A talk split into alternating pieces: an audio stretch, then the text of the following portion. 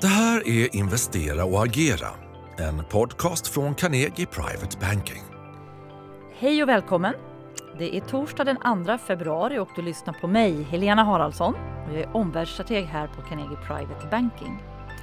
Igår kväll hade amerikanska centralbanken Fed sitt räntemöte med efterföljande frågestund. Och chefen Jerome Powell, eh, han fick faktiskt börsen att stiga, dollarn att falla och också obligationsräntorna att falla. I eftermiddag då fortsätter centralbanksmötena med först ut Storbritannien men därefter Europa på eftermiddagen. Och nästa vecka då får vi riksbanksbesked. Att följa centralbankernas rörelser det är ju ett av de viktigaste verktygen för investerare. Det illustrerades ju förra året när de här aggressiva centralbankshöjningarna med USA i spetsen då gav stigande obligationsräntor som pressade börsvärderingarna ordentligt, särskilt då i techsektorn och lite förhoppningsbolag som faktiskt rasade. Men då undrar ju många, vad gjorde Fed igår kväll då och vad sa de som gav de här reaktionerna? Eh, det de gjorde var precis som väntat. De övergick till mer normala räntesteg, det vill säga att de höjde styrräntan, Fed Funds Rate, med endast eh, 25 punkter till ett intervall då på 4,5 till 4,75. Så där var det inget oväntat. Det innebär ju att de sen eh, våren förra året faktiskt har höjt med hela 4,5 procentenheter då för att tämja inflationen. Eh, precis som före mötet så ser marknaden bara en höjning till på 25 punkter då i marsmötet den 22 mars och att Fed därefter tar en paus. Fed själva dock, de talar om höjningar fortfarande i plural innan de är klara, men marknaden tror dem inte. Eh, jag lyssnade på hela presskonferensen med Powell och frågestunden därefter. Och det var faktiskt desto mer spännande för det var då börsfall vändes till börsuppgång. Eh, Powell sa att det finns en del hoppfulla signaler. Inflationen har börjat komma ner på varor trots en väldigt stark arbetsmarknad. Och det är klart att det här är riktigt uppmuntrande. Men det är ju inget nytt. Det är vad börsen har handlat på ganska länge. Det som jag tyckte var mer intressant det var att han tvärt vad det senaste räntemötesprotokollet angav så var han inte bekymrad över att starkare börs, svagare dollar och lägre räntor kan liksom motverka Feds åtstramning, ge en boost till, till ekonomin eh, och faktiskt också till inflationen då, motverka deras inflationskamp. Eh, där svarade han ganska lugnt eh, och det här var oväntat och gladde börsen. Eh, sen sa han också att han personligen tror att inflationen kan nå 2% utan någon större ekonomisk kostnad, alltså utan en allvarlig inbromsning i ekonomisk aktivitet. Och ja, det kan man ju tro på, men det är ju en av alla åsikter. Eh, det de däremot fortsätter då att hamra in, skulle jag vilja säga, det är att, säga, det är att arbetsmarknaden är fortfarande superhet. Och igår fick vi faktiskt färsk data som visar att det finns faktiskt 11 miljoner lediga jobb och det ska då ställas mot 5,7 miljoner arbetslösa. Så nästan två jobb per arbetslös. Det är en het marknad med stor risk för lönedriven inflation. Sen sa han också att inflationsnedgången som han ser det är ett väldigt tidigt stadium och det är alldeles för tidigt att ropa seger över inflationen. Då. Eh, och det jag också noterade var, eller vi noterade då var att han hade en ganska skarp formulering om riskerna i inflationsbekämpningen. Han säger i stort sett att han mycket hellre tar i för mycket eh, än att han stannar räntehöjningarna för tidigt. Därför att misstaget om man stramar åt för mycket och, och råkar liksom verkligen pressa ekonomin, det är mycket enklare att rätta till än att i efterhand få stopp på, på en för hög inflation. Eh, kontentan blir ju lite, det ni hör med lite skeptiska toner, vi tyckte inte han sa så mycket nytt. Men det fanns något för alla, det hörde vi också på presskonferensen. Eh, så att slutsatsen blir då att eh, det är svårt att lyssna på Fed utan man ska titta på datan. Och före sitt möte 22 mars då kommer de få två tunga såna här KPI-inflationspubliceringar. De kommer få två tunga jobbrapporter och så får man dra slutsatser från det då helt enkelt. Eh, och vår tanke är ju lite att de här glada inflationsnyheterna det har marknaden redan reagerat på. Kanske inte ska lita för mycket på Paus personliga prognos. Han hade ju faktiskt fel sist då när han sa att inflationen var tillfällig. Det var den inte. Eh, men nog om Fed. Vad väntar man sig av ECB då i eftermiddag och Riksbanken och, och Erik Thedéens första möte nästa torsdag? Eh, ja, marknaden prisar in 50 punkter från både brittiska centralbanken så att de höjer till 4 men också från ECB så att de då får räntan upp till 2,5 procent. Och att de höjer aggressivare än Fed, det är inte så konstigt även om det då pressar dollarn.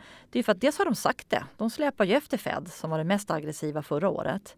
De har högre inflationssiffror i Europa. Kärninflationen där har ju inte toppat som den ser ut att ha gjort i USA. Och sen också om man följer nyhetsflödet så det är faktiskt strejker både i Tyskland och Storbritannien för högre löner.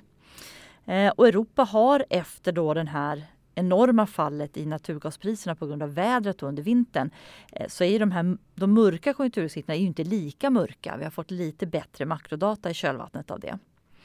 Eh, Riksbanken då? Ja, det är ju möte 9 februari och marknaden tror nästan 50 punkter där också. Sen är man lite mer osäker än kring prognosen för ECB. Därför att Thedéen har ännu inte skickat några tydliga signaler. Han är ny på sin chefsroll för Riksbanken.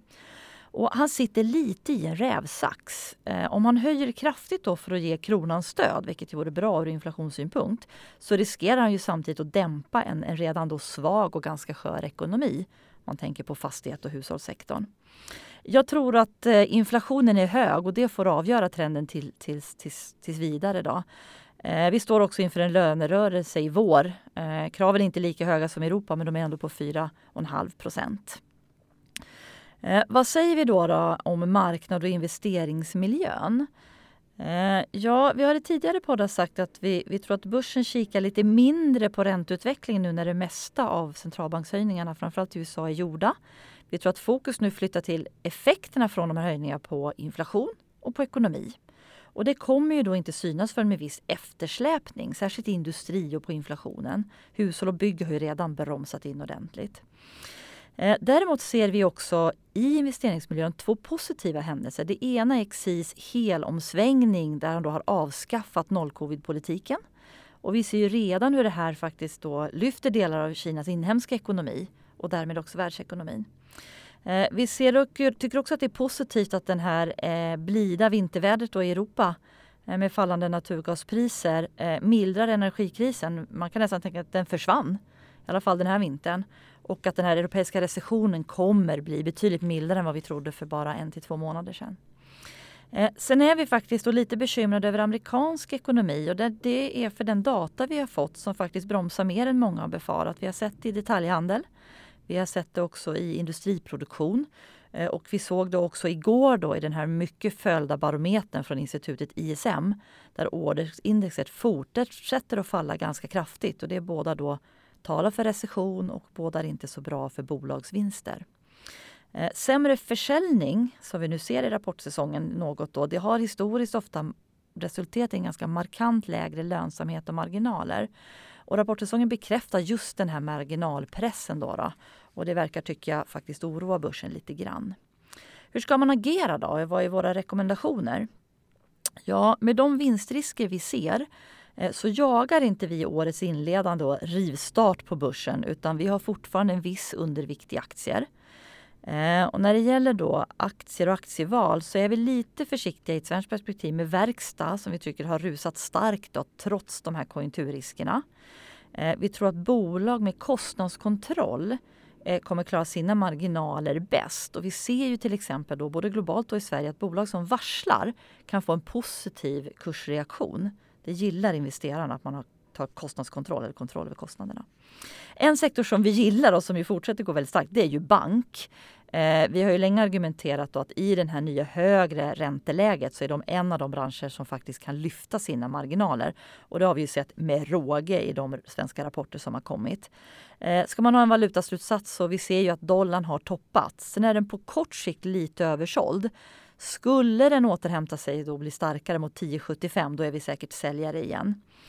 Eh, vi överviktar, och det här är kanske det viktigaste budskapet då för att vi överviktar ränteplaceringar som efter förra årets eh, stora fall då när räntorna steg nu ser mer attraktiva ut. Särskilt företagsobligationer. Eh, sen vill vi dock upprepa att man ska vara selektiv. Eh, man ska vara, eh, undvika för hög konkursrisk och kanske bolag med för svaga ägare och sådär. För vi är ändå på väg mot en lågkonjunktur där det är dyrare med finansiering. Eh, vi ser också, kan vi tillägga, ett enormt kundintresse för ränteplaceringar just nu. Där man då ser att oj, här erbjuds man avkastningsnivåer som man kanske bara kunde drömma för två, tre år sedan. Så plötsligt har aktier fått konkurrens. Det är vi inte vana vid de sista åren. Eh, sen vill vi också avslutningsvis passa på att bjuda in kunder att både titta och lyssna då på antingen i direktsändning eller i efterhand på vårt digitala strategiseminarium som är onsdag nästa vecka, det vill säga den 8 februari klockan 10. Då kommer vi presentera vår pinfärska allokerings och portföljstrategi men också åtminstone en handfull konkreta och heta affärsförslag. Väl mött då och tack för att du har lyssnat. Är du intresserad av topprankad aktieanalys och unika investeringsmöjligheter? Gå då in på carnegie.se privatebanking och lär dig mer om vad du får som private banking-kund hos oss.